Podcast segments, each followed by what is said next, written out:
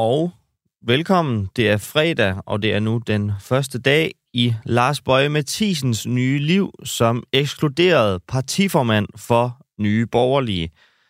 I nat, der øh, udsendte Nye Borgerliges hovedbestyrelse en mail, hvor i der står, at Lars Bøje Mathisen er blevet eks- øh, ekskluderet både af partiet og af Folketingsgruppen, fordi han angiveligt skulle have krævet at få overført 350.000 kroner af partiet, som han så i øvrigt selv mener tilhører ham, står der i øh, mailen fra Nye Borgerlige, til sin private konto.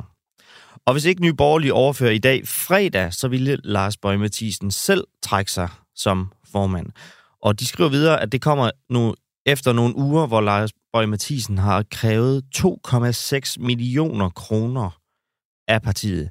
Han vil simpelthen have et formandshonorar, ud over det klækkelige folketingshonorar, han får på 65.000 kroner om måneden.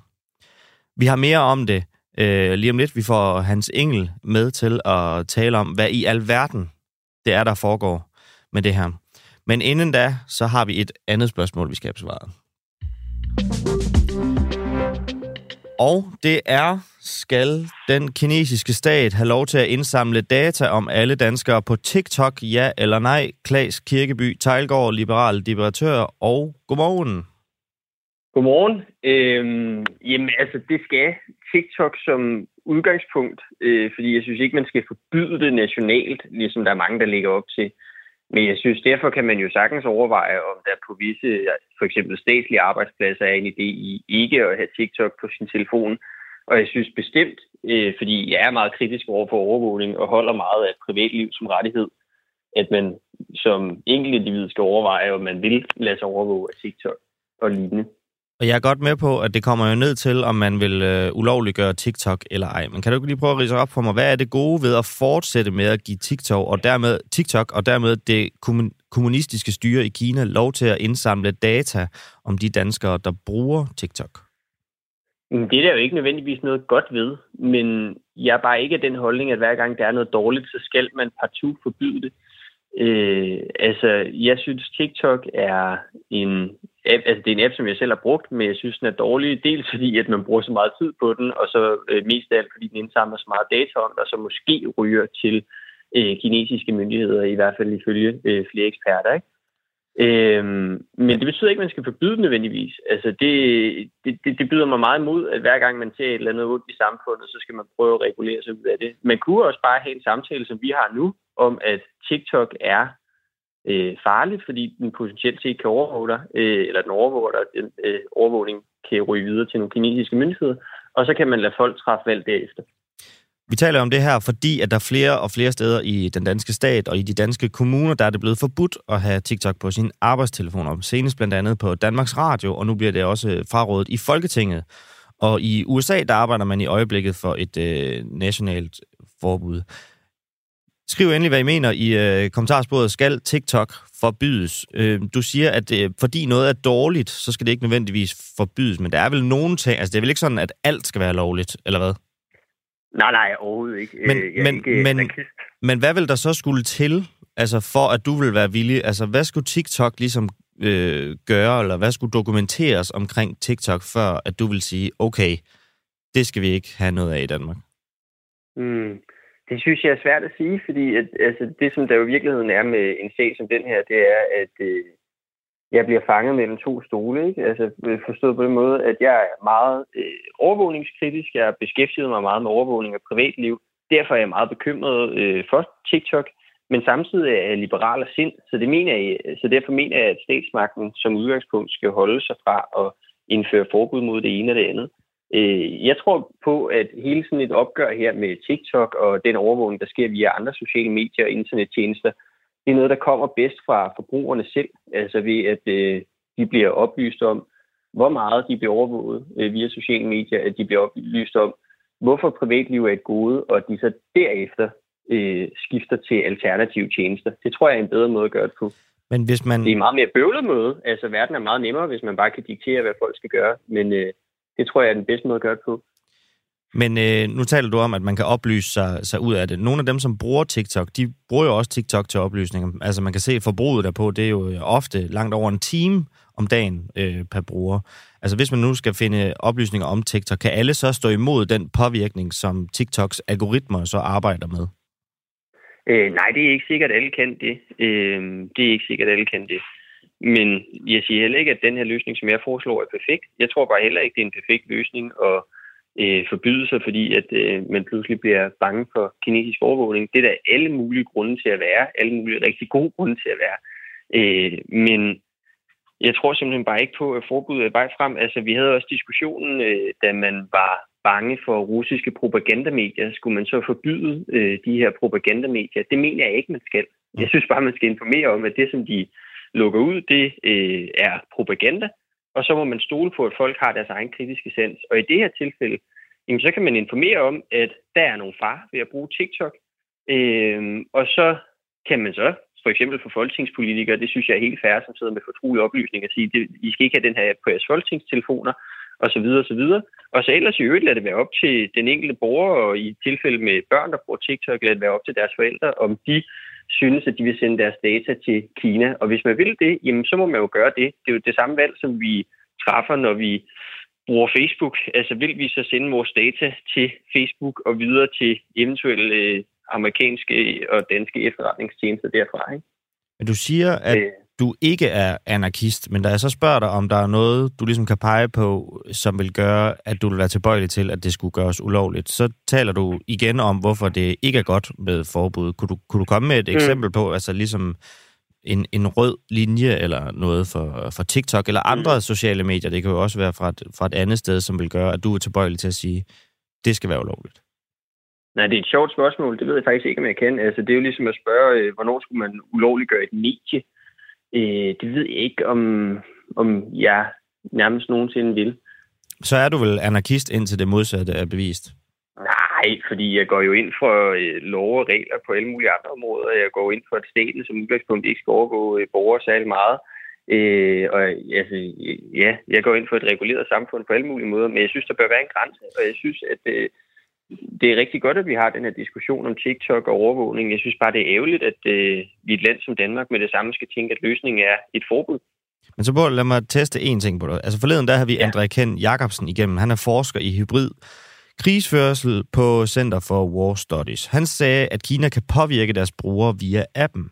Altså de kan lave en øh, psykologisk profilering, og på den måde, altså ligesom øh, øh, påvirke dem, der, der bruger app. Hvorfor skal vi tillade, at Kina kan manipulere med danskere, som er modtagelige over for kinesisk manipulation? Jamen, fordi at vi lever i en verden med ytringsfrihed, og det betyder, at øh, borgerne også skal kunne udsættes for kinesisk propaganda, og så vil der nok desværre være nogle af dem, der vil falde i, men jeg tror på, at langt de fleste danskere er veloplyste, myndige øh, borgere, øh, og ellers så hvis de er børn, så har de nogle forældre, der er det, øh, som kan tage kritisk stilling til øh, kinesiske påvirkningskampagner. Altså som sagt, jeg synes, der er en fin parallel til snakken om de russiske propagandamedier, hvor at nogen vil forbyde dem, og hvor andre, ligesom jeg selv, øh, forfægter, at øh, selvom det er skidt, så behøver man ikke forbyde det, og der kan faktisk være en pædagogisk effekt i mine øjne ved at lade for eksempel russiske propagandamedier og TikTok øh, være tilgængelige, og så have en debat om det. Det tror jeg, man får mere oplyste borgere ud af, i stedet for bare at Ja, du bliver ved med at, at, at nævne det her med, med at uh, det er oplysning, uh, der er vigtigt, og så må folk ligesom selv træffe et, uh, et frit valg. Altså Berlingske har tidligere beskrevet, at TikTok har masser af brugere helt ned i 9-årsalderen, som også bruger over en time om dagen på, på TikTok. Kan man godt oplyse en 9-årig så godt, at en 9-årig træffer et frit valg om at være på TikTok eller ej? Nej, men som jeg også sagde før, så når det er børn, jamen, så har de nogle forældre, som kan hjælpe dem der tror jeg sådan set bare på, at øh, forældrene er bedre til at opdrage deres børn og en snak med dem om, hvilke apps de skal have installeret, og hvilke de ikke skal have installeret på deres telefoner, end de folkevalgte er. Det synes jeg er en forældreopgave. Jeg synes, den her slags beslutninger som udgangspunkt skal ligge derude, hvor at, øh, øh ja, den skal ligge ude hos dem, som det berører. Ikke? Klaas Kirkeby Tejlgaard, øh, liberal debattør og vært på podcasten øh, Blot Bælte. Tusind tak, fordi at du havde tid og lyst til at være med her til morgen. Tak, og det er, hvad jeg skal til at kalde mig anarkist fremover. Ja, men øh, det, det, det peger der hen af, måske. tak for det. Tak for det. God dag. Og godmorgen til øh, jer derude, der sidder og øh, lytter med. Øh, Katrine Visby skriver, at vi bliver ikke kun overvåget af TikTok. NSA overvåger os blandt andet også, og så her går jeg ud fra, at du nævner, eller du henviser til det historie, der har været om det øh, kabelsamarbejde, som er meget, meget øh, øh, skandalefyldt i, øh, i medierne, og som øh, hele sagerne om øh, Claus Hjort Frederiksen og Lars Finsen også vinder binder sig op på. Jesper Thomas Færlund Larsen, godmorgen. Ingen tvivl om, at Kina kigger med på TikTok, men spørgsmålet er jo, om andre kigger med her på Facebook og Instagram med mere. Palermo Jens Olsen, TikTok må da gerne blive forbudt, lukket, totalt fordummende for børn. Og øhm, lige om lidt, så skal vi, øh, så skal vi tale med den gode mand, øh, Hans Engel. Øh, senere så stiller vi øh, et nyt øh, konfliktfyldt spørgsmål, nemlig hvor længe Jon Steffensen holder til at være med i det øh, skandaleshow, som han nu har gang i, men fra et skandaleshow til et andet. Hans Engel, politisk kommentator på TV2. Godmorgen. Hallo? Hallo? lader ikke til, at der er nogen forbindelse til Hans Engel. Jeg kan også se, at jeg får at vide fra mine producer, at han ikke er med.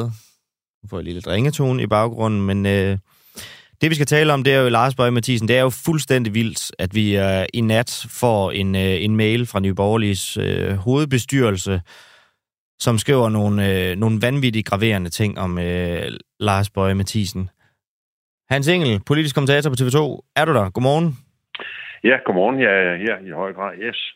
Kan du ikke lige prøve, altså, øh, hvad er det, ja, det lyder meget åbent egentlig, men hvad er det, der, der nu foregår i Nyborgerlig, som i forvejen er så, så kriseramt, som de er? Ja, altså, det første, vi må sige, det er, at vi, vi kender her på nuværende tidspunkt, der kender vi sådan set kun øh, forløbet fra, øh, fra øh, et af øh, hovedbestyrelsen og forretningsudvalgets medlemmer, som har udsendt en øh, længere redegørelse på grund af, at møde, de har haft i aftes. Så det må sige, det må vi altså gå ud fra, er en, øh, er en øh, delvis enig, øh, øh, enig til forretningsudvalg og hovedbestyrelses opfattelse. Og det er så fremstillingen af, hvis jeg skal sige det meget kort, så handler det hele om, at øh, det man ikke vil acceptere, øh, det er, at Lars Bøje øh, har åbenbart stillet en række krav øh, både omkring, øh, at han vil have øh, løn som øh, partileder og pensionsordning, og det skal være en fireårig aftale, og samtidig så har han vil have et øh, beløb på en er det 300 eller 350.000 kroner fra en særlig ja fra en særlig fondsdannelse, som findes et eller andet sted i, i partiets øh, økonomi. Og det vil han så bruge til en øh, personlig branding-kampagne, og så fastslås det så i brevet, at den der branding-kampagne, den har i øvrigt ikke noget med nye borgerlige at gøre. Det er ikke noget, der er partirelevant. Det er en branding-kampagne, der handler om ham, ham selv. Mm. Og set øh, på den baggrund, øh, der ser man ikke mulighed for at kunne fortsætte samarbejdet, og derfor meddeler man, at han er, han er ikke alene er afsat som formand for partiet, men også er ekskluderet af partiet, og at man øh, vil gå i gang med at øh, finde en ny formand. Og det er sådan set det, vi ved om sagen. Det er sådan det, det, det, det, det, det er fakta, der ligger på bordet, og det er jo så altså for den ene part. Vi har ikke nogen kommentarer fra andre, vi har ikke nogen kommentarer fra Lars Bøje, vi har ikke nogen kommentarer fra Pernille Vermund eller andre. Men altså, det man må sige, det er jo, at det tegner jo billedet af, at det er Wild West. Altså, det er jo, vi er jo ude i en, øh, i en, en ret absurd øh, forestilling, mm. at et parti vælger en ny formand, og så allerede en måned efter, der ekskluderer man ham på grund af Øh, ballade omkring, øh, hvordan øh, partiets penge skal, skal, skal bruges. Ja, og der er også en, øh, en næstformand, som lige har trukket sig. Altså, de har hverken nogen formand eller næstformand. Det, man glemmer Nej. helt, at, øh, at der lige er røget næstformand også, hvilket også var en vild historie, så det er jo fuldstændig vildt. I øh, ude ja. i teknikken herude, vi har øh, dygtige journalister her på Frihedsbrevet, som arbejder i, øh, med 120 timer på at finde ud af mere her.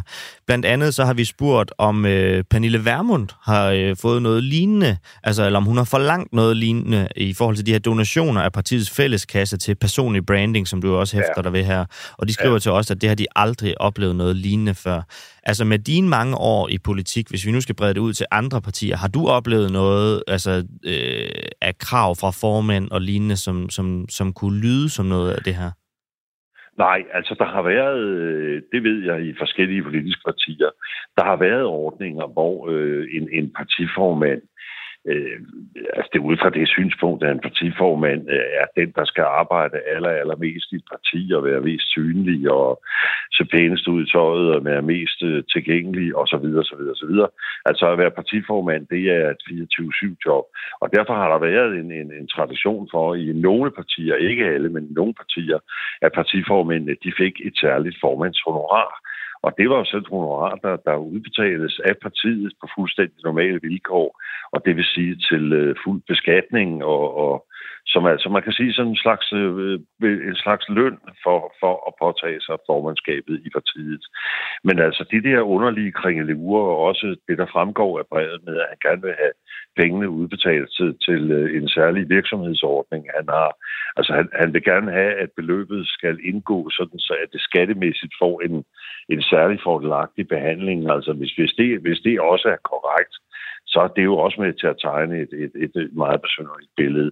Men altså hele, hele det her forløb, og en måned efter han er blevet formand, og næstformanden, der forlader butikken og så videre, det, det tegner jo et billede af et parti, som et eller andet sted er i, i, i opløsning. Altså, de er jo nødt til at gøre noget meget dramatisk, hvis, øh, hvis øh, nye borgerlige skal, skal overleve. Altså nu sidder de jo i Folketinget og, og vil jo kunne være der indtil et kommende folketingsvalg, og vælgerne som muligvis sender dem ud i, i mørket.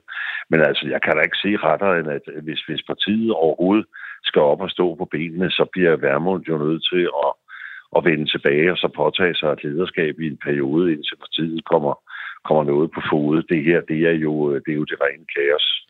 Ja, og i forhold til, at øh, der skulle være udsigt til, at Pernille Vermund vender tilbage i en øh, lederrolle, så kan vi jo sige, at øh, hendes rolle her øh, til morgen, det er, at Pernille Vermund ved en fejl er strandet en dag mere på sin tur til Mauritius. Hun har skrevet et, øh, et Facebook-opslag, hvor der står, godt nyt til socialisterne, vi kommer aldrig hjem, eller rettere, vi har taget fejl af vores hjemrejsedag og fået en dag mere i paradis. Og det var jo øh, belejligt med en, øh, en lille ekstra øh, hjemrejsedag, som det er nogle andre øh, som måske er, måske er skyldig. Altså, hvor, øh, hvor stiller det Pernille Vermund øh, det her? Fordi det er jo hende, der har efterladt øh, partiet, altså måske til sig selv i virkeligheden. Ja, altså nu valgte Vermund jo det, den øh, beslutning, at hun øh, forlod øh, formandsposten. Det var jo hendes egen øh, beslutning. Men hun udtrådte jo ikke samtidig af Folketinget, og man må forstå, at at hendes beslutning er, at hun ikke vil være formand, men hun vil godt sidde i Folketinget og passe arbejdet der i den kommende valgperiode. Øh, derefter vil hun så udtræde Folketinget, men om det så også står ved fuld magt, det, det vides ikke, ikke helt. Men under andre omstændigheder, så er Værmund der i hvert fald i øh, de kommende tre år eller fire år. Og, og der kan man sige, at i at betragtning af, at to folketingsmedlemmer nu har forladt skuden, de har simpelthen, øh, de er simpelthen trådt ud, og Lars Bøje, han står nu og er smidt ud, så er så er nye borgerlige efterhånden, det er jo næsten i størrelse ikke længere noget politisk parti. Ja, hvis, og, og, hvis... og der kunne man jo godt, der kunne man godt forestille sig, at, at en, øh, at en uh, Pernille Vermund ville sige, trods alt føle så meget ansvar for det parti, hun jo om nogen var stifteren og igangsætteren af, at hun vil sige, jamen okay, altså i denne her nødsituation, som det i høj grad er, der er hun øh, nødt til at gå ind og påtage sig et, øh, et ansvar. Altså hele forløbet virker jo også højst besønderligt, altså at hun befinder sig på den anden ende af jordkloden, og, og forretningsudvalg og hovedbestyrelse, de træffer en så dramatisk øh, beslutning, uden at hun som den, den tidligere partileder ligesom åbenbart kender noget til det, medmindre hun har blevet orienteret på Mauritius. Øh, men altså, hele forløbet er jo grotesk. Og, øh, og vi må gå ud fra, at øh, der nu træder nogle ansvarlige frem fra hovedbestyrelsen og forretningsudvalget og, og også Værmund, når hun kommer hjem, og der må de jo nå frem til en eller anden øh, beslutning. At nu skulle jo også kende Lars Bøje øh, meget dårligt, så, øh, hvis ikke han også har noget at sige. Jeg kan ikke forestille mig, at han har sagt det sidste ord i den her sag. Vi mangler jo ligesom hele hans forklaring af, af sagen. Det er jo vigtigt, som du også siger, at vi har fået en side af sagen her, og øh, de skriver jo selv, at han har en anden udlægning af, for eksempel med de 350.000, der mener han jo øh, retteligt tilhører ham. Og det, ja. øh, det lader de så til at have opbakning fra deres revisor, og det skriver de i hvert fald selv på, at det ikke er tilfældet. Men her, her til sidst, ja, men... Hans Engel, altså fordi hvis vi nu lige skal tage et, et regnskab over øh, den decimerede folketingsgruppe, som jo startede med seks, og som du også nævner, så er der to, der har forladt, nu er der så en, der er blevet smidt ud tilbage, sidder øh, afgået formand Pernille Vermund, afgået næstformand Peter Sejer Christensen, som i hvert fald ikke i det forløb, der har været tidligere, har været på fuld speed, ligesom tidligere. Så er der tilbage Kim Edberg Andersen, altså som en øh, nærmest ny Torsten Geil, altså en alene mand øh, tilbage i Nye Borgerlige. Altså ser du nogen som helst chance for, at det her parti, det kan reddes? Nej, det gør jeg ikke. Altså, det, det, det, der, der, der skal ske et mirakel. Men altså, nu nævner du selv øh, Alternativet som et meget godt eksempel. At det, det lignede jo altså også et dødsbo øh, i en meget, meget lang periode, og selvom Thorsten Geil, han er jo virkelig kæmpet kampen hårdt og så videre, så, så er det jo lidt, altså så er der jo lidt øh, Lazarus genopståelse, øh, genopstandelse, det er der jo over alternativet, som jo så kom igen. Jeg synes bare, det ser meget, meget svært ud for, for nye borgerlige, fordi deres, øh, altså alt balladen hos dem handler om sådan noget fnid og fnader og pengebrug, og, og, og jeg har ligesom også svært ved at se, hvem det er, der skal kunne øh, løfte og overtage partiet og føre det videre.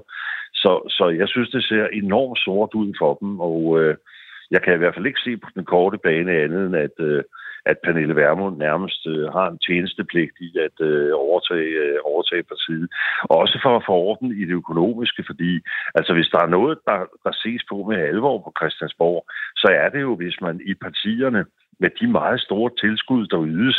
Det er jo millionbeløb, som partierne og folketingsgrupperne får udbetalt for det offentlige. Og, og Folketinget øh, og regeringen osv. stiller jo enorme krav til hele den øvrige del af Danmark. Og derfor må de jo også selv sørge for at have orden i deres økonomi. Så det bliver jo også en del af opgaven. Altså, hvad er det egentlig for nogle penge, der er blevet udbetalt? Øh, det er jo åbenbart et millionbeløb, som der er stillet krav om, men man må også forstå, at der rent faktisk er udbetalt nogle penge. Så, så, så der ligger altså også et økonomisk, en økonomisk øh, sag, som, som vil også medierne vil forlange at få en redegørelse for.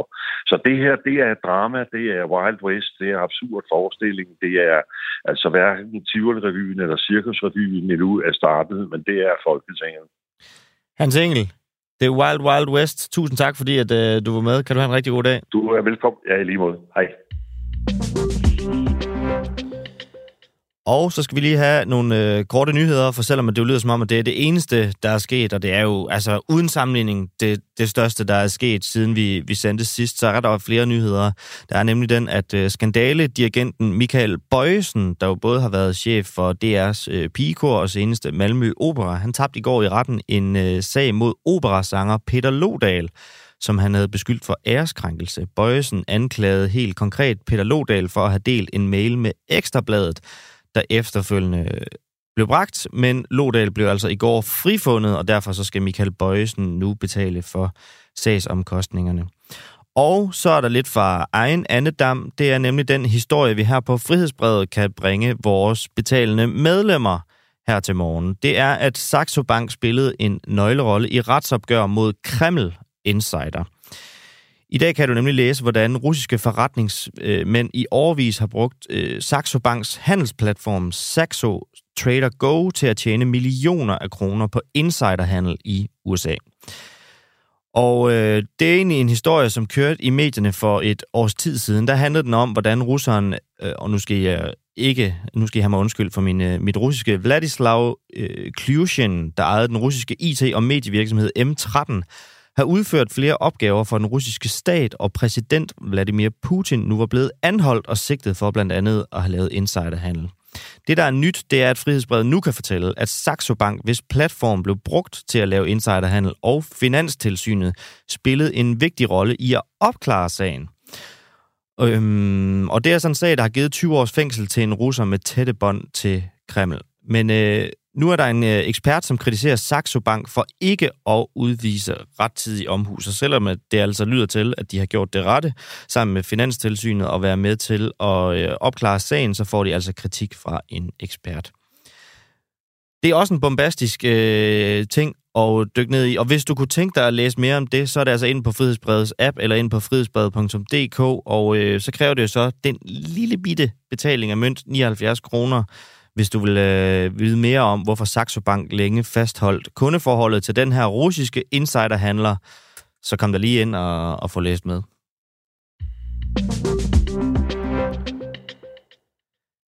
Og så øh, skal vi kort videre. Vi skal nemlig øh, øh, undersøge om teorien om, at en lille gruppe ukrainere, der skulle have sprunget Nord Stream overhovedet, er mulig. I forgårs, der fortalte vi her på en øh, der talte vi her på en uafhængig morgen med Peter Ernst ved chefredaktør og stifter på Olfi, og i går der talte vi så med Jakob Korsbo fra Tænketanken Europa, der ligesom har hver sin opfattelse af, hvad det er, der er kommet frem i de her kæmpestore øh, artikler, der er skrevet i New York Times og i ARD og i Decide. Og øh, det, der bliver beskrevet, det er en teori, der går på, at der skulle være en lille gruppe militærtrænede pro-ukrainere, som skulle stå øh, uden for det egentlige ukrainske militær, der får angrebet Rusland sprang Nord Stream i stykker tre forskellige steder. Og nu skal vi så høre fra en mand, der mener at kunne afkræfte den her teori på sådan en meget praktisk og teknisk måde. Johannes Riber, militæranalytiker ved Forsvarsakademiet og tidligere minerydningsofficer. Godmorgen. Godmorgen. Du mener ikke, at der er chance for, at det, der bliver beskrevet sådan rent teknisk her, det er muligt. Er det rigtigt forstået? Altså, ja, Altså, det er jo, man skal jo aldrig være for firkantet til at ikke at kunne indrømme, hvis man har set forkert, men, jeg, siger, jeg, jeg synes, det er meget lidt sandsynligt, at, øh, at den her beskrivelse her, det har egentlig kunne lade sig gøre. Og hvorfor det?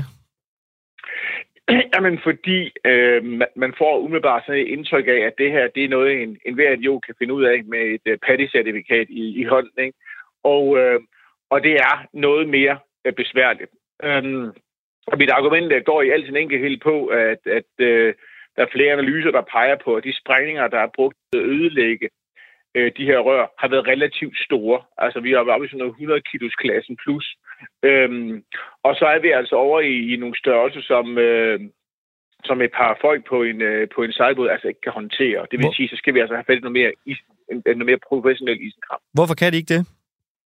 Jamen, det har simpelthen noget at gøre med... Øh, det har selvfølgelig noget at gøre med vægt og øh, størrelse og, og den her slags ting. Øhm, hvis man der forestiller sig, at man skal have på 100 kilo ned på havbunden, jamen, øh, fra, en, fra en sejlbåd, jamen, så, så er det jo ikke noget, man bare sådan lige tager under armen, og så hopper man ned, ned på, på havbunden på de her 80 meter. Så bliver man nødt til at vippe det ud over, og så skal man sandsynligvis flygte bagefter, hvilket er relativt øh, besværligt. Øhm, så, det, så det er med udgangspunkt i den, i den vinkel, så at sige, at jeg peger på, at, at det lyder ikke vanvittigt øh, sandsynligt. Specielt sammenholdt med, at det her det skal foregå på meget, meget øh, stor dybde, altså ned for 80 meter, hvor man er praktisk talt blind, hvis man ikke har noget lys med. Og hvis man skal flytte ting øh, dernede, og det kommer man til, når man, hvis man bare vipper det ud over, over siden, jamen, så skal man til at have sådan nogle professionelle balloner, man puster op, hæfter på, og så begynder at flytte tingene rundt, og så skal vi lige have sat en timer på os, og så skal vi gøre det tre gange. Øhm, og det skal vi gøre på den her sejlbåd. Øh, alt andet lige, hvor der ikke rigtig er åbenbart er. Lyder til at have været nogle spor fra, at der har været nogle tunge ting ikke? Øh, stående i, i båden. Det skal vi huske på, og så skal der måske lige en kompressor med, og, og, og lidt andre små ting. Så, så, så det er ikke bare lige noget, man gør, og, og det er egentlig bare min, min pointe.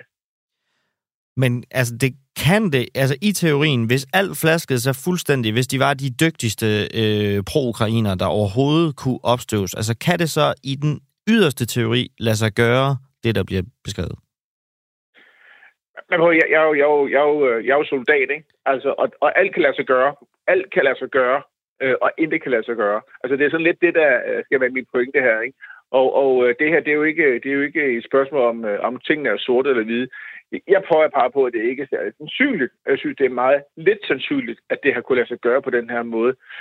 Men man kan jo aldrig 100% afvise, lige vel som man heller kan 100% afvise tusindvis af andre ting. Ikke? Altså, du har jo også konspirationsteoretikere, der løber rundt og siger, at det er amerikanske ubåde og alt muligt andet halvøje, der bliver drømt op. Og, og ja, man kan ikke 100% afvise det, men man kan i hvert fald sandsynliggøre, hvorvidt om det her det er muligt eller ej. Ja, det du øh, ligesom mest arbejder med her til morgen, det er jo ligesom at afskrive, hvad der ikke er sandsynligt. Hvis jeg så spørger dig, hvad er det mest sandsynlige scenarie, set fra din stol? Jamen, jeg vil jo pege på den aller nemmeste måde at lægge et, øh, et springladning på, på 100 kilo, øh, øh, nogenlunde tæt ved det her rør her. Det er at bruge en ubåd. Altså simpelthen bruge øh, det, vi kalder en sømine, og sætte en timer på inden. Og så hænge den på siden af ubåden, øh, og så egentlig droppe den ved siden af røret. For den her ubåd vil kunne finde det her rør med meget, meget stor øh, præcision, øh, og vil kunne gøre det meget, meget nemt på så høj, på så stor en dybde, som vi taler om her. Så det vil være, det vil være hvis det var mig, der skulle planlægge den jeg, som, som en stat, og jeg havde en ubåd i mit, øh, i min, øh, i min, øh, i min inventarliste, så var det den, jeg ville bruge her. Det vil være langt nemmeste måde at gå til den her opgave på. Jamen, øhm, så bliver vi jo endnu mere rundtosset, selvom at du gør dit her dit forsøg på at, at gøre os klogere. Johannes øh, Riber, militæranalytiker ved Forsvarsakademiet og tidligere minerydningsofficer. Tusind tak for øh, dit besøg. Velkommen. Og så lidt tilbage til dagens øh, største historie, fordi historien handler jo ikke kun om øh, nye borgerlige. Den handler jo potentielt også, hvis hovedbestyrelsen i hvert fald har ret i det, de skriver om fros med offentlige midler. Fordi det får nye borgerlige jo også, og det er jo blandt andet dem, som øh, Lars Bøje, hvis de har ret, har, øh, har krævet. Og lad os lige prøve at tage, nu sidder jeg lige og kigger ned over mailen her igen, øh, et krav på 350.000 kroner til at starte med, og i løbet af de seneste par uger, altså 2,6 millioner kroner har han krævet af partiet for at fortsætte som formand. Og mens du lige tænker på det, så har vi fundet et klip her til morgen, som jeg synes, du skal høre. Og det er med Lars Bøge Mathisen. Fros.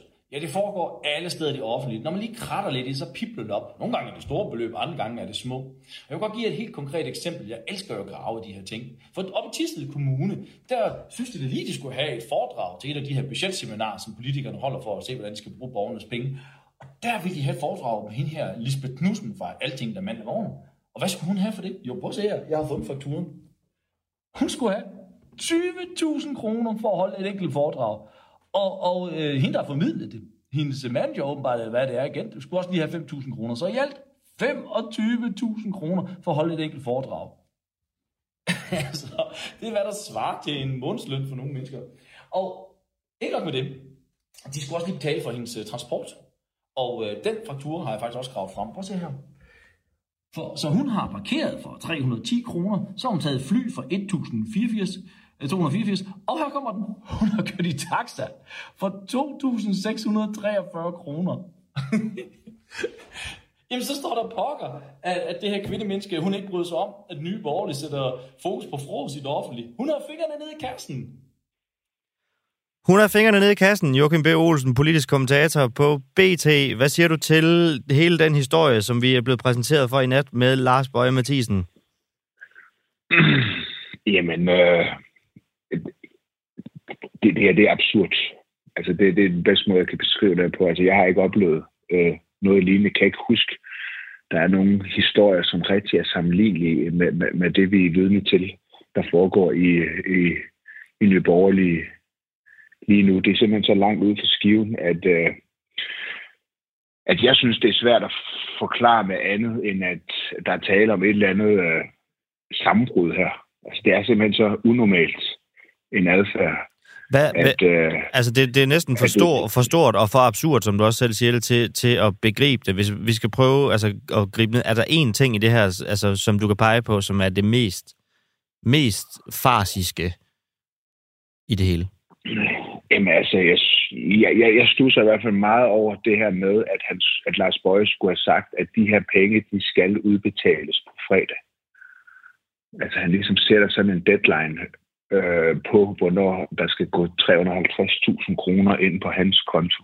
Altså, Ja, altså han har jo i princippet, de skriver, de skriver også selv, at det, det er med pistol for panden. Hvis ikke I udbetaler de her penge, så stopper jeg som formand. Og det åbner jo simpelthen ja. for så mange spørgsmål øh, efterfølgende, og det bliver ja, det, virkelig spændende det, at, at høre, når Lars Bøge Mathisen kommer frem og, og siger noget. Altså, hvilke spørgsmål vil du allerhelst have svar på fra, fra Lars Bøge? Jamen altså, hvorfor er det så vigtigt, at de penge, de skal udbetales lige præcis på fredag? Altså, det er en mand, der har overtaget et øh, parti, som selvfølgelig øh, normalt vil have nogle sådan langsigtede mål og arbejde ud fra. Hvorfor er det så vigtigt, at de penge, de skal falde lige præcis på fredag? Og så er der jo simpelthen det her med, med, med de her krav, altså at bede om øh, en uopsigelig kontrakt, hvor man får udbetalt til 450.000 kroner om året øh, i, i et lille parti. Det er jo ikke unormalt, at partiformand får et øh, formands øh, vederlag honorar, men, men, men, men i, have det som uopsigelige kontrakter og så store beløb for, øh, for et lille parti, der er noget, der er helt overfærd. Det, sådan virker det i hvert fald på mig. Og jeg må også sige, altså, det, det, det virker dybt irrationelt. Altså, der er simpelthen noget, der er dybt, det, det er en dyb irrationel adfærd øh, fra Lars Bøjs side her. Øh, så, at, så at jeg, du... jeg meget gerne vil blive klogere på, hvad det er, der foregår. Altså på mig, må jeg bare sige, så virker det her som en eller anden form for, for, for, for et sammenbrud. Det bliver man nødt til at sige, fordi det her det er så langt ude for skiven øh, fra, hvad der er normalt i dansk politik, altså, at, at, at det virker som om, der er noget galt her. Altså, det sammenbrud for Nye Borgerlige kan alle vel måske være enige om, men mener du et, et sammenbrud på det personlige plan for Lars Bøge Mathisen? Altså, det, det må jeg sige. Det, det, det er den tanke, jeg får, fordi det her det er så langt ude for skive. Altså, det her det er ikke normal adfærd. Okay. Men nu beskrev jeg det jo selv som farsisk tidligere. Hvis jeg bare lige skal prøve sådan at, at oprise, så Mikkel Bjørn, de var jo seks til at starte med. Mikkel Bjørn, det unge talent stopper, kalder uh, Lars Bøge Mathisen for en solorytter og skifter så til Dansk Folkeparti. Mette Thiesen stopper mm. nærmest lige efter valget, efter der har været en, uh, en batalje med hendes kæreste. Der har været i noget håndgemæng uh, i, mm. internt. Og øh, nu er det så Lars Bøge Mathisen, som øh, har krævet øh, 350.000 kroner ifølge hovedbestyrelsen, og i de seneste uger 2,6 millioner i et øh, personligt formandshonorar. Øhm, mm. Nu spurgte Hans Engel lidt tidligere, om du kan se nogen som helst, øh, eller om han kunne se nogen redning på det her. Der svarede han øh, klart nej, men hæftede sig så en lille bitte smule ved, at øh, alternativet jo stadigvæk står, og dem havde vi jo alle sammen også øh, afskrevet fuldstændig. Altså, kan du se nogen øh, mulig vej ud fra Nyborgerlige? Altså, der er jeg meget enig med hans engel. Det ser meget, meget svært ud. Altså, det her, det er jo vidderligt hat og briller. Det har jo ikke noget med politik at gøre, det her. Men det her, det handler jo simpelthen om, om man kan have tillid til, at det her ikke er, at det her det er et seriøst drevet parti. Jeg må også sige, noget af det første ting, det var, det var at altså, Pernille Vermund har også et kæmpe medansvar her. Altså hun har været meget tæt på øh, Lars Bøje. Hun kender ham. Øhm, hun sidder, det, hun sidder på Mauritius lige nu og har fået en ekstra, ja, ja, ja, en ekstra men, feriedag, hun ikke lige havde bidt mærke i. Men, men, men, men, men pointe er, altså, hvordan har hun kunne overlade øh, partiet til, til Lars Bøje? Altså, der, der synes jeg også, hun mangler at svare på nogle, på nogle, på nogle spørgsmål her. Altså, det, for mig ligner det også et svigt fra hendes side, øh, at hun ligesom øh, overlader formandsposten og ledelsen af partiet øh, til Lars Bøje. Øh, og så ser vi det forløb her. Altså det her, det kan ikke komme ud af det blå øh, for dem, der har været tæt på ham. Altså at han har en personlighed, som... Øh, og det, det har jo været velbeskrevet, det er andre, der har sagt også. Altså han, han har jo et... Han, han sagde det jo også selv i sin, i sin tiltrædelsestal, at, at, at, hvor han ligesom siger til Pernille Vermund, øh, øh, tak for, at der er plads til sådan en som mig. Altså det her, det er en, en mand, som når jeg taler med folk, der har været tæt på ham, beskrives som en, der har et kæmpe, et, et, et meget, meget, meget stort øh, øh, ego. Men hvis, hvis vi skal prøve... Og, og som det ser ud, som om ikke skulle have været i, i nærheden af, af, af, af ledelsen. Ja. Men hvis vi skal prøve at rette blikket så en lille smule ud af, fordi at du øh, befinder dig også rigtig meget på Christiansborg, altså inde på Christiansborg, øh, hvem smiler mest, mens de læser den her historie i alle medierne i dag? Jamen altså, der, tror jeg, der, der er flere aspekter i det. Altså, der har jo været en diskussion internt i Blå Blok øh, omkring, hvorvidt blokken overhovedet er funktionsdygtig. Altså, Venstre har jo forklaret deres indtræden i SVM-regeringen med, at, øh, at der ikke var rigtig noget at bygge på i Blå Blok. Og, og en af hovedårsagerne til det og det mest konkrete eksempel på det, det er jo Nye Borgerlige, som øh, ultimative krav til en øh, blå statsminister, øh, har gjort det svært for, for Venstre for eksempel at, at, at manøvrere. Ikke? Øh, og derfor så er der helt sikkert øh, i blå blok øh, i alle partier et eller andet håb om, og en tro på, at, at, livet på Christiansborg for blå blok ville være nemmere, hvis Nye Borgerlige ikke var der.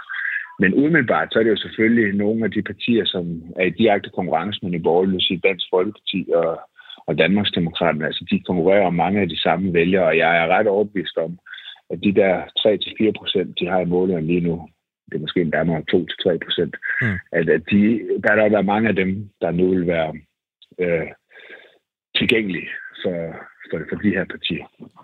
Joachim B. Olsen, politisk kommentator. Du skal ud og, og arbejde. Det skal vi alle sammen, så vi kan finde ud af, hvad fanden det er, der foregår med, med alt det her. Men tusind ja. tak, fordi du alligevel har tid til lige at være med hos os. Det var så lidt.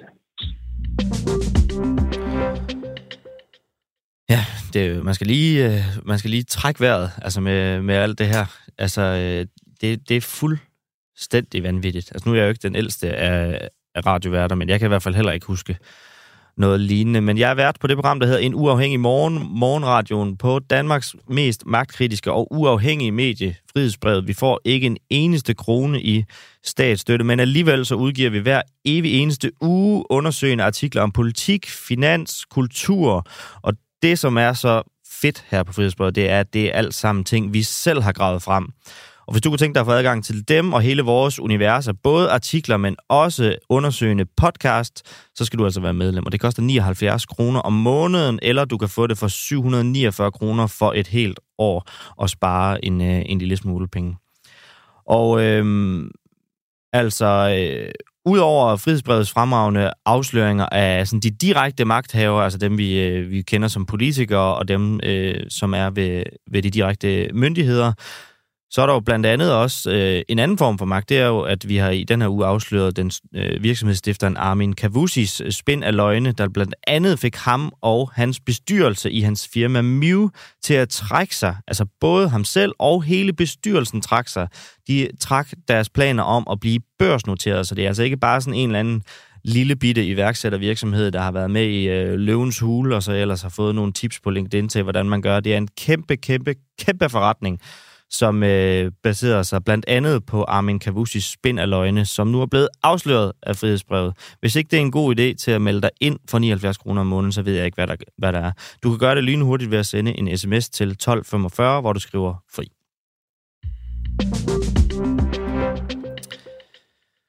Tjener Carlsberg penge på Kinas vold mod muslimsk mindretal? TV2 skriver sammen med mediet Danwatch, at Carlsberg og Carlsberg ejet Wusu ifølge en ekspert har gjort sig til redskaber i den kinesiske regerings undertrykkelse, hvor Carlsberg tjener penge på, at muslimer bliver straffet for ikke at drikke.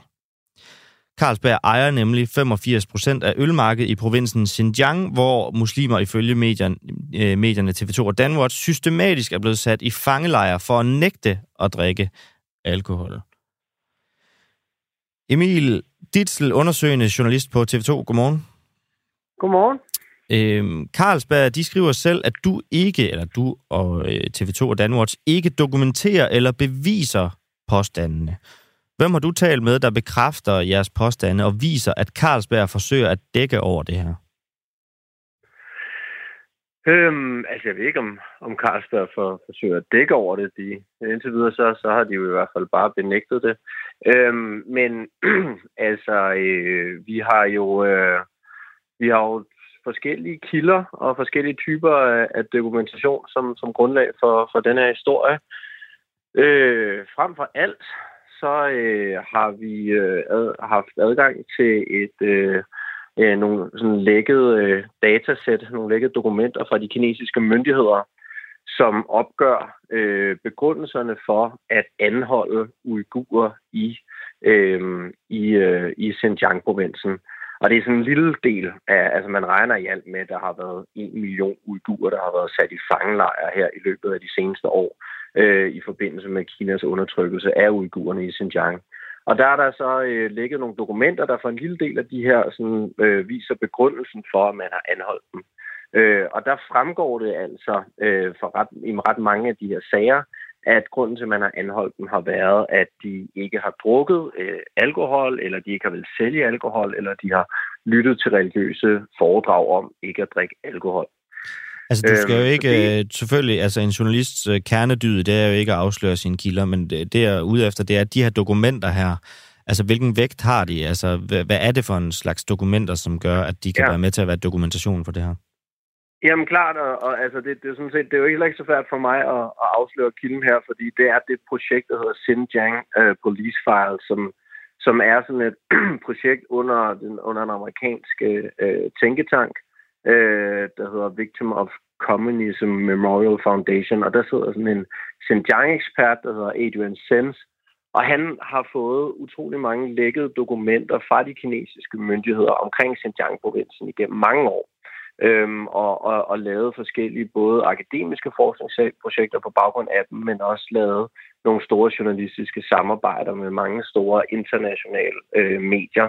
Øhm, og, og, og, og det i forskellige sådan, øh, over forskellige omgange. Og der har øh, jeg tror det er New York Times og Washington Post og The Guardian og BBC og sådan også været inde over det her projekt Xinjiang Police Files. Og det vi så gjorde, da vi begyndte at høre omkring øh, øh, det her med, at, at, at, at folk blev tvunget, øh, eller i hvert fald blev straffet for ikke at drikke alkohol i, øh, i Xinjiang, det var jo så, at vi bare tog kontakt til dem og spurgte dem sådan, prøv her, de her filer, som, som, som I har adgang til, og som I har brugt til grundlag for alle mange andre historier, er der noget i dem omkring det her? Og så, og så lavede de så et udtræk til os, ikke? Øhm, som, som, som vi så selv kunne, kunne gennemgå. Øh, og, og det er jo så på baggrund af det. Og altså, som det er med, med de datasæt flest, så, så der er der ikke nogen tvivl om, at der også er fejlagtige oplysninger i, i de her data. Men det er i øhm, det, det, altså grundlæggende er det øh, ifølge øhm, øh, de folk, der sidder og arbejder med det, og, og de eksperter, der har kigget i det, øh, data, som, som, som er til at stole på, og som også er blevet verificeret langt hen ad vejen. Så, så det, det, det, der, det, er, det, det er valide kilder. Noget af det, Carlsberg skriver, det er, at de har undersøgt sagen grundigt, og de skriver, at der ikke er noget at komme efter. Altså, I kan vel ikke begge to øh, have ret? Altså, ja, TV2 og Danwatch og Carlsberg kan vel ikke have ret i det, I skriver og frembringer på samme tid? Altså, er det Carlsberg, der har ret, eller er det jer? Jamen, det er, øh, det, det, det er jo et godt spørgsmål, altså, men, men der, der, der, der tror jeg også, det, det er jo meget detaljen, det handler om her, ikke? Fordi det er jo rigtigt, at Carlsberg skriver, at de ikke kan, de, at der ikke er nogen beviser for påstandene, men de fortæller jo ikke, hvad det er for nogle påstande, som de ikke mener, der er beviser for. Der er jo mange påstande i, i, i hele denne her historie, den bygger jo på, på et ret stort lag af påstanderne. Noget af det, vi jo blandt andet har spurgt øh, Carlsberg helt konkret til, det er, man mener I overhovedet, at der foregår menneskerettighedskrænkelser i Xinjiang, altså ligesom mm. FN gør, og EU gør, og USA gør, og stort set alle øh, i Vesten mener, der gør. Og det, vil, det, vil, det, det har vil Carlsberg ikke engang svare på. Altså, de vil ikke engang svare på, om de mener, der foregår menneskerettighedskrænkelser. Så, så er det de påstande, som de mener ikke er blevet bevist. Altså, det er jo sådan, det er jo, det er jo sådan rimelig... Det er jo grundlaget for at, at, kan man sige, lave den her historie. Ikke? Det er, at der foregår menneskerettighedskrænkelser. Spørgsmålet er så, er det, er det Carlsberg, mener de ikke, at det er blevet bevist, at, at, at øh, i, i vores dokumentation, at, at folk de er systematisk... Øh, men øhm, men ja. må jeg spørge dig om så en altså ja. vigtig påstand, som jo i hvert fald springer i øjnene på jeres afsløring, for det andet, ja. det er jo sådan mere en generel ting, som er blevet dækket, dækket løbende over flere år det er, at muslimer ifølge TV2 og Danwatch systematisk er blevet sat i fangelejre for at nægte at drikke alkohol. Må jeg ikke bare spørge, den vigtigste dokumentation for den påstand, hvad er det? Jamen, det er de lækkede dokumenter, jeg det er de, har... Øh, det er de lækkede ja, dokumenter. Ja. En af de ting, og der, er også, altså, der, er også, der er også åbne dokumenter. Altså, der findes også åbne dokumenter, som viser, at, øh, at de kinesiske myndigheder øh, øh, mener, at det er et faresignal for, for religiøs ekstremisme, hvis, øh, hvis folk de ikke vil drikke alkohol. Altså, øh, og det, det har jo været, det er jo sådan et åbent dokument, der, der ligesom er sådan nogle ting, man skal holde øje med, som, som, som, som er øh, som, som er såkaldte faresignaler, ikke? som er officielle dokumenter. Så de underbygger jo, at, at, at der så også er nogle, nogle folk, der er blevet sanktioneret for det. Ikke? En af de ting, øh, som også er med i jeres udsendelse på TV2, det øh, i hvert fald i jeres artikel, der er der en video af nogle mænd, der øh, drikker øl, og som, altså, der er også nogen, der bliver tvunget til at drikke øl, og der er folk med maskingevær. Altså, kan du ikke prøve lige at male, altså, hvad er det helt præcis, der foregår på, på den her ja. video? Jamen, det er to meget forskellige ting, skal vi sige. Øhm, og det håber jeg også fremgår ret tydeligt af artiklen og, og det tv-indslag, som vi lavede. Ikke? Men altså, vi har mødt et øjenvidne, øhm, i, øh, i, i, som, som er flygtet fra, fra Xinjiang-provinsen, men han var, der i, han var der i 2015, og der overværede han så, at... Øhm, der, undskyld, det, det er lige min, min søn her. Der, det er okay. Der, ja, det, det, det er ked af. Det er jo lige sådan en morgen her. Det er altså, øhm, når folk kommer øh, lidt ud af balance i interviews, så spiller man en lyd af en grædende baby om bag og får et pustrum. Ja. Så det er et godt trick. Ja. Nå, øhm, øh, nå, det der er, det er, at vi har mødt et øjenvidne, som bor i Norge. Øhm, nu han er flygtet fra Xinjiang-provinsen, og han har oplevet, inden han flygtede, at der var sådan en seance, hvor at, øh, at, at, at under ramadanen, så øh, var der nogle muslimer, som sad ude midt på gaden og drak alkohol.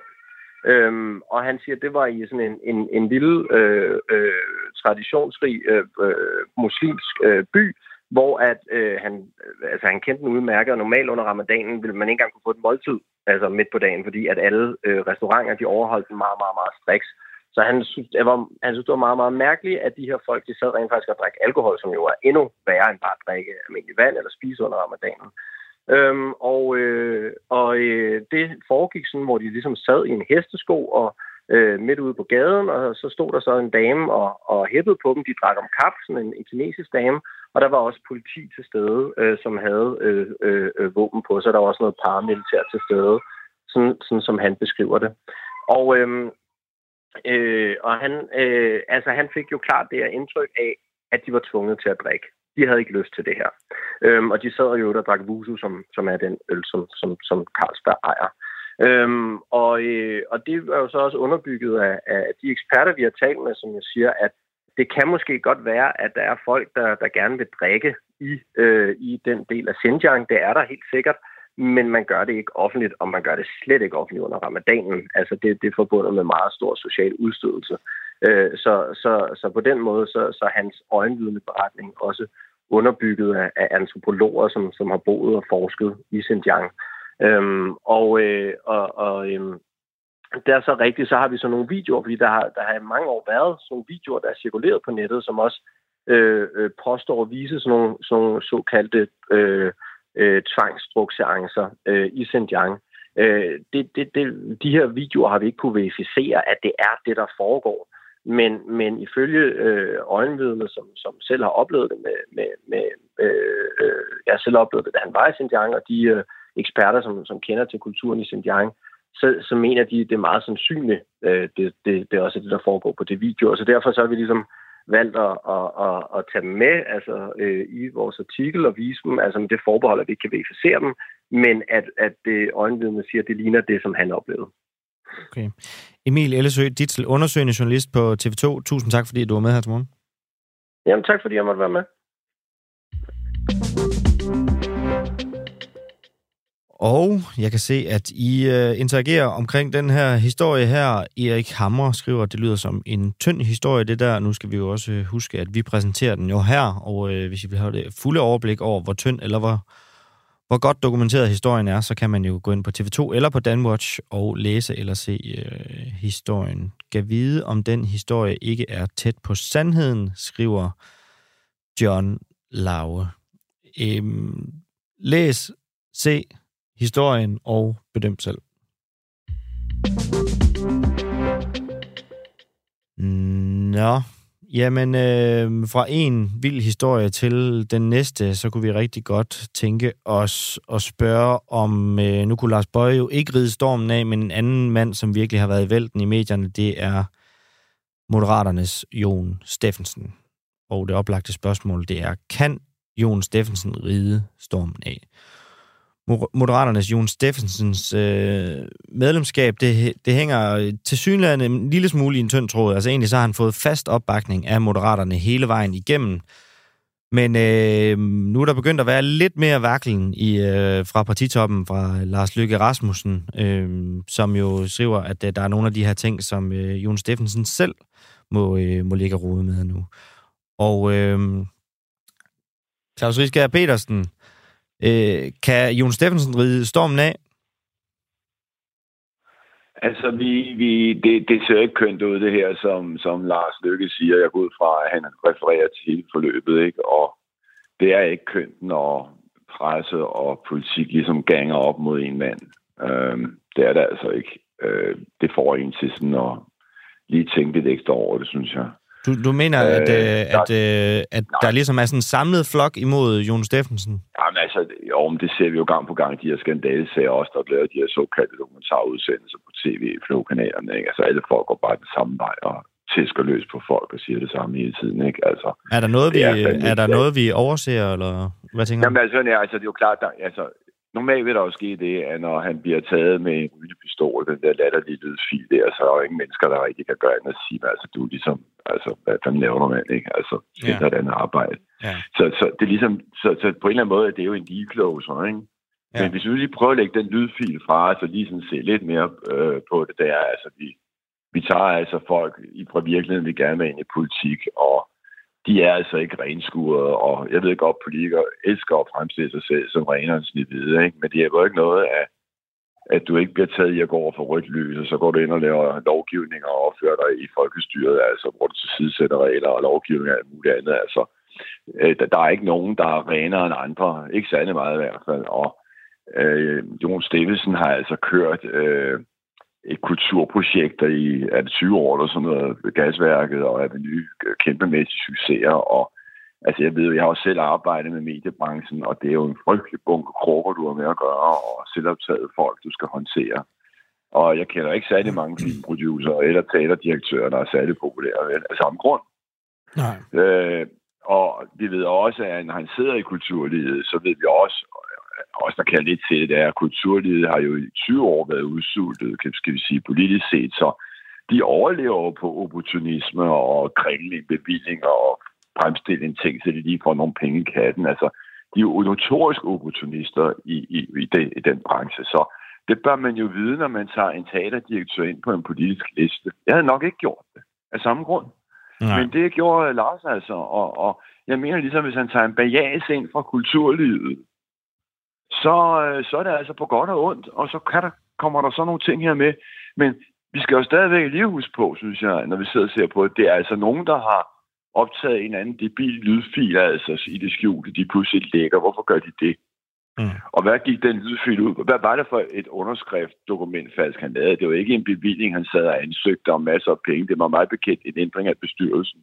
Ja. Hvor han ikke kunne få DBU's formand til at skrive under, fordi DBU's formand ligesom Øh, de andre i den branche altså er meget selvoptaget og svært på fat på, ikke i tid lige der der, det kan passe om, og så er han blevet træt af det, Jon Steffensen. Jeg kan sagtens finde hans undskyldninger. Så altså, det er, øh, altså det hele summer sig op til, ja, altså i politik, hvad er det for folk, vi vil have der? Og hvis vi har folk ind fra virkelighedens verden, så må der være et gate review, når de bliver hævet ind, hvor ansvaret ligger på dem, der hiver dem ind. Og det er Lars Lykke, der hedder ham ind. Ja. Og Lars Lykke må skulle selv stå til ansvar for, at han tager en bagas ind for kulturlivet, hvor alt kan ske. Det ved en hver. Ja.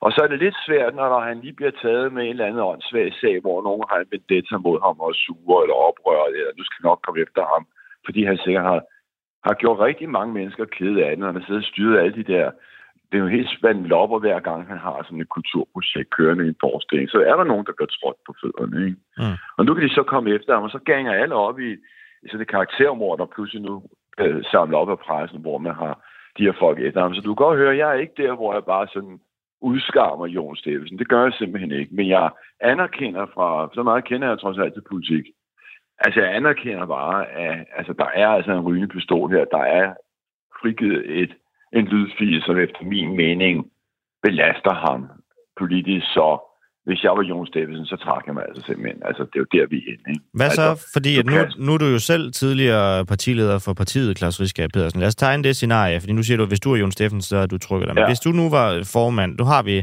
som du også nævner, vi har den her lydfil, som umiskendeligt, ja. altså vi kan jo ikke bekræfte det, men den lyder som Jon Steffensen. Så er der Henning Dyrmose, han har også selv skrevet det til børsen, at uh, der er blevet forfalsket en underskrift. Så skriver Jyllandsposten, at han kort før... Nå, men, altså, altså, faktum, jamen, altså, vi gider ikke stå og diskutere faktum, hvis vi ikke bare regner med, at det er rigtigt. Der er lavet et...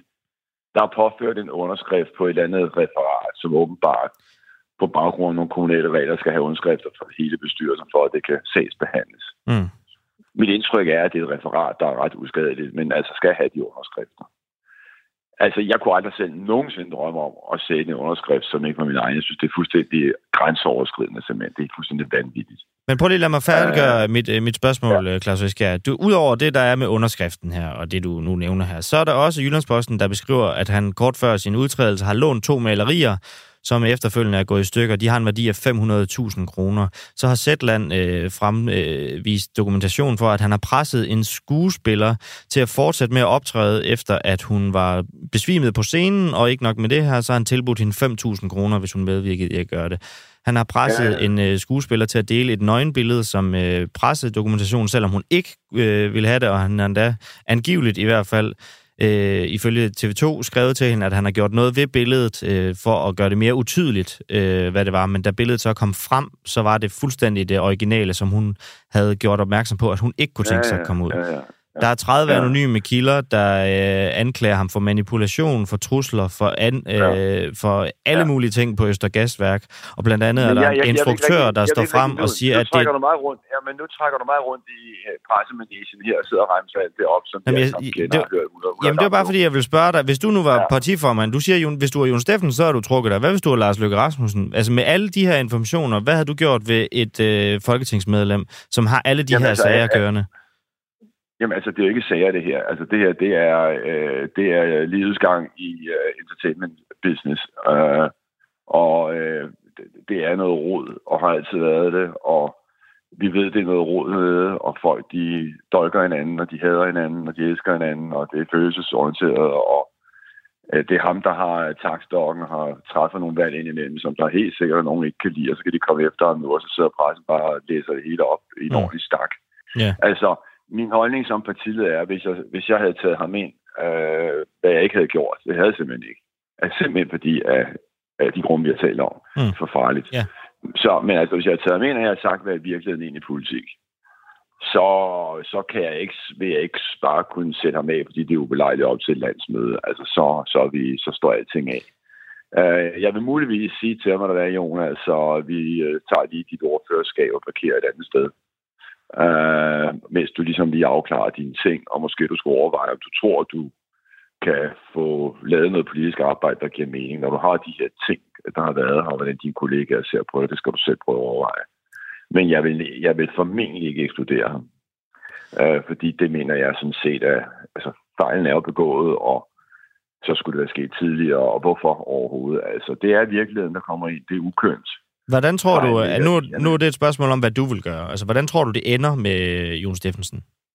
Jeg tror, han bliver smidt ud. Jeg tror, Lars Løkke er kyniker, og han øh, vil ikke have den her øh, sag på Moderaterne, og øh, han satser på, at han ikke bliver løsgænger, for han kan jo intet lave løsgængermæssigt og totalt utroværdigt hver henseende, så han vil sådan set på mine kunne overtages til at trække sig øh, med løftet om, at når han har klaret sine sager, kan han jo prøve at komme op, stille op igen, at det slutter, de plejer at sige. Ikke? Så Altså, ja, mit gæt er, hvis vi skal prøve at, at, at se på det som det er, det bliver politik, som vi kender det. Uh, han har lavet en fejl, den fejl er ude i det offentlige rum, den belaster ham i hans troværdighed politisk, og dermed belaster han moderaterne, og uh, derfor uh, vil han en landsmøde, som de skal holde her den 25. Så vil han altså blive sparket ud, det er jeg ret sikker på, på en eller anden måde.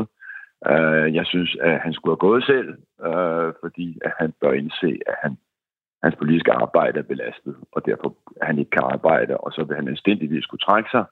Men jeg mener ikke, det er det samme som, at når man har taget ham på en liste, hvor virkeligheden skal i politik, så kan man ikke forestille sig, at bare fordi, at der kommer noget små tøj op og hænge fra en menighed ud i kunstnermiljøerne, der er i, på den danske teaterscene 20 år. Helt ærligt, altså det, det gider vi ikke det der. Så det er, min, det, er min, det er min personlige holdning til det. Det er jo ikke nogen øh, ekspertudtagelse. Det kan man jo ikke. Det er bare en personlig vurdering, som jeg har her. Som, og så må, der, må vi se, hvad, hvad den her sag ender med. Ja, det er en, øh, en personlig holdning. Og tusind tak for den, Claus Riskær Pedersen, tidligere ja, partileder for øh, partiet Claus Riskær Pedersen. Kan du have en rigtig god weekend? Ja, tak i lige måde. Tak. Hej.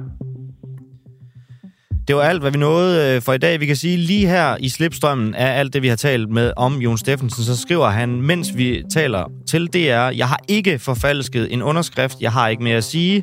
Den slags skal afgøres i retten, hvor lydfilen skal evalueres og lægges frem. Det håber jeg, I har respekt for. Jeg håber, I får en rigtig god weekend. Hvis den bliver halvt så øh, bombastisk som øh, i nat, så skal jeg love for, at der bliver noget at se til. Det var det for mig. Mit navn er Nikolaj Dandanel. I teknikken der var det Magne Hans. Tak for i dag.